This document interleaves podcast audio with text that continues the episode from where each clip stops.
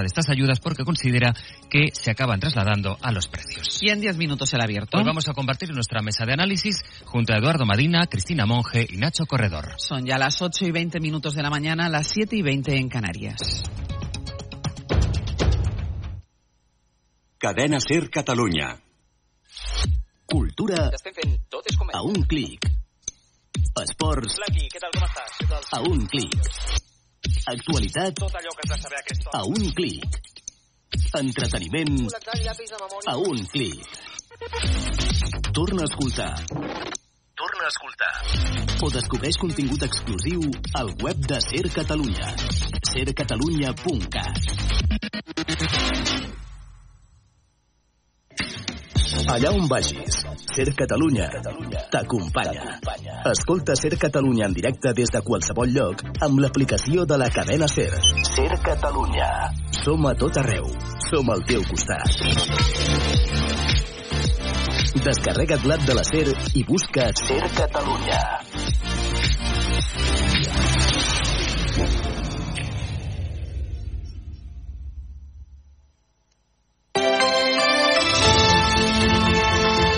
Hoy por hoy Catalunya.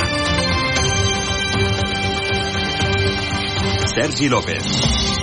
Què tal? Molt bon dia. La pagesia encara una nova jornada de protestes i mobilitzacions. El Sindicat Unió de Pagesos ha convocat talls a diverses carreteres del territori i es preveu que els agricultors col·lapsin avui al port de Tarragona, Mercabarna i l'AP7 a l'altura de la Junquera. Els pagesos diuen que volen fer un pas més i boicotejar d'aquesta forma els principals punts estratègics del transport de mercaderies per aconseguir que les administracions escoltin les seves reivindicacions. De seguida anem a un d'aquests punts calents. Abans, però, ens ocupem de la informació servei.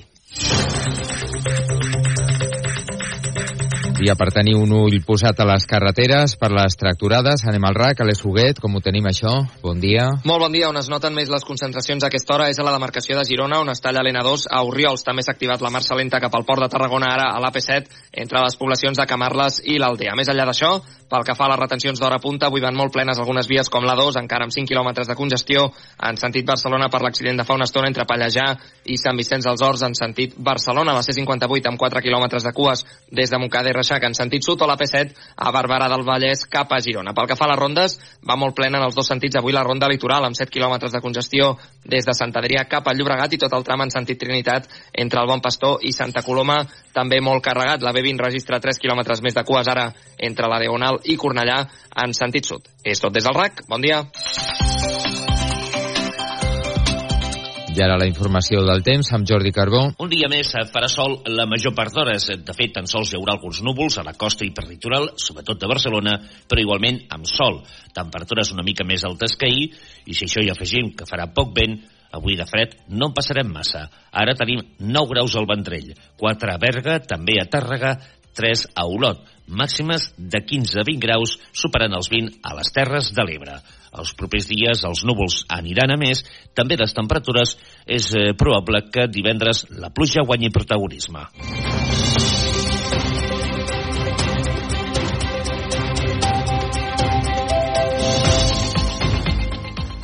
Avui, a més de col·lapsar les carreteres, els pagesos volen aturar també el funcionament d'infraestructures bàsiques en la logística de la cadena alimentària, com són el Port de Tarragona i també Mercabarna. Al Mercat Central de Barcelona hi ha el Carles Couso. Hola, Carles, bon dia. Hola, bon dia, Sergi. Què és el que hi ha previst i què és el que està passant ara mateix a les portes de Mercabarna?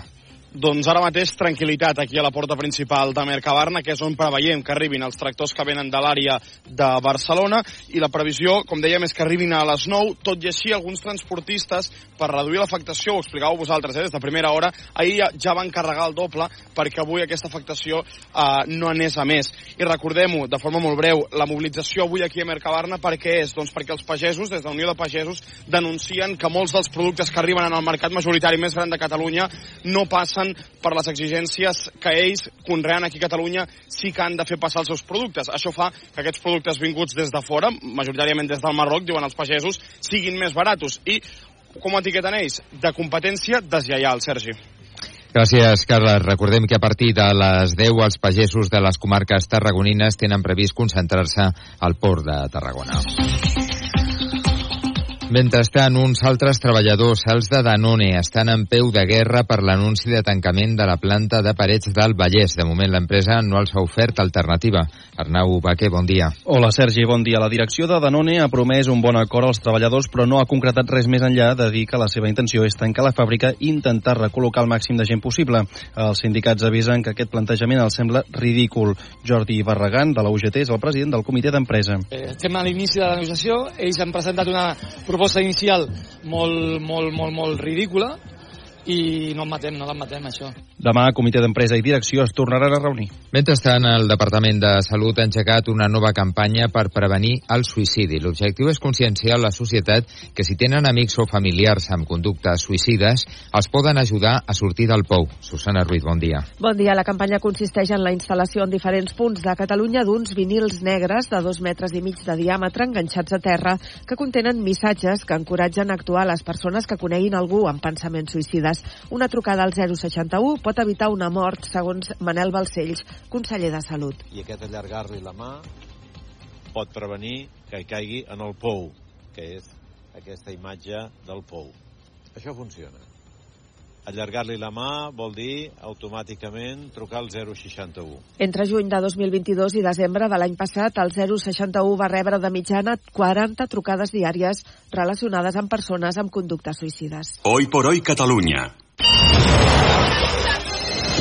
Hi ha persones a punt de caure en el pou del suïcidi.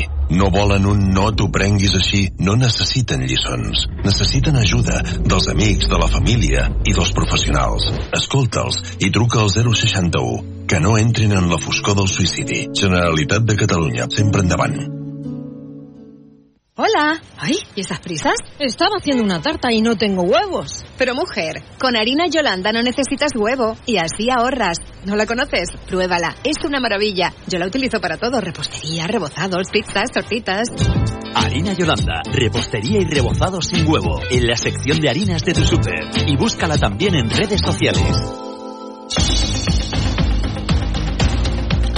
Més notícies. Els Mossos d'Esquadra investiguen la mort d'un intern a la unitat psiquiàtrica de la presó de Brians com un possible assassinat. Fons penitenciàries apunten cap al company de cel·la com a sospitós del crim, Martí Rodríguez. Els fets van passar la matinada de dissabte a diumenge en una cel·la de la unitat psiquiàtrica que l'intern compartia amb un company que ara s'ha convertit en el principal sospitós del possible crim. Malgrat que hi havia un psiquiatre de guàrdia aquella nit en el mòdul, ningú va notar res fins al matí següent quan els funcionaris fent el repàs diari d'interns van trobar dins de la cel·la el mort penjat amb un llençol. Segons fonts penitenciàries, primer es va pensar en l'opció d'un suïcidi, però després, quan van arribar els Mossos d'Esquadra, van detectar en el cadàver signes de violència física que van girar la investigació cap a la tesi de que fos el seu company de cel·la qui l'hagués matat. I els Mossos també investiguen la mort violenta d'un home a Cambrils. Sí, un home d'agents del cos i de la policia local van anar ahir al matí cap a un camí rural ubicat entre Cambrils i Vinyols i els Arcs. Havien estat alertats prèviament. A l'arribar van trobar la víctima a terra i, malgrat les maniobres de reanimació, no li van poder salvar la vida.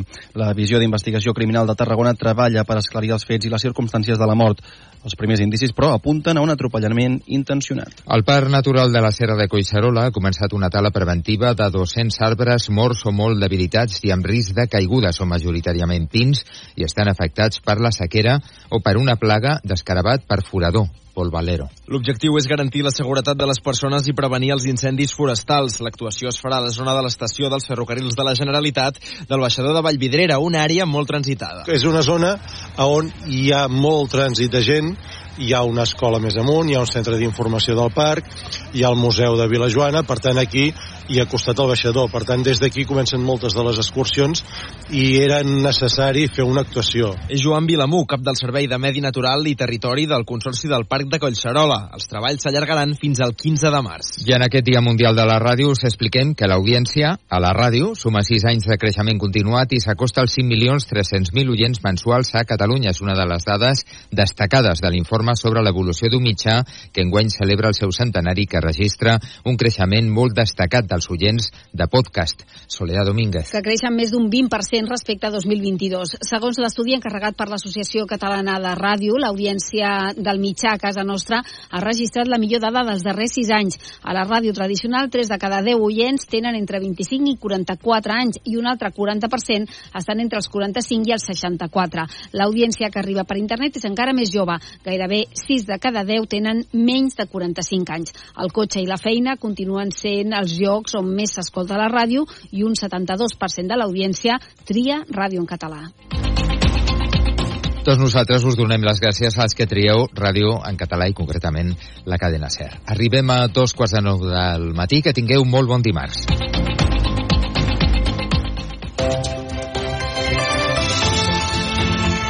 En la cadena SER, hoy por hoy, con Ángeles Barceló. Son las ocho y media de la mañana, las siete y media en Canarias. CaixaBank patrocina este espacio. Tiempo para el análisis, tiempo para el abierto en esta mañana de martes con Eduardo Madina. Muy buenos días. Hola, Ángels. Con Cristina Monge, buenos días. ¿Qué tal? Muy buenos días. Y con Nacho Corredor, muy buenos días. Buenos días. Vamos a empezar y vamos a arrancar con la situación en algunos puntos de Cataluña porque aunque han bajado de intensidad, sigue habiendo protestas, concentraciones puntuales de agricultores y en Cataluña están marcados algunos puntos que pueden dificultar, por un lado, eh, el tráfico en algunas de las principales vías, pero también el acceso, por ejemplo, al mercado central de Barcelona, Mercabarna y el acceso también a algunos puertos como el de Tarragona. Así que vamos a ver cuál es la situación y lo que está previsto para hoy en Girona, en Puntos de Empordà. Eh, hay ya decenas de tractores. Ahí está Berta Artigas. Berta, buen día. Hola, ¿qué tal Ángeles? Muy buenos días. Pues ahora estoy en Puntos, en un municipio entre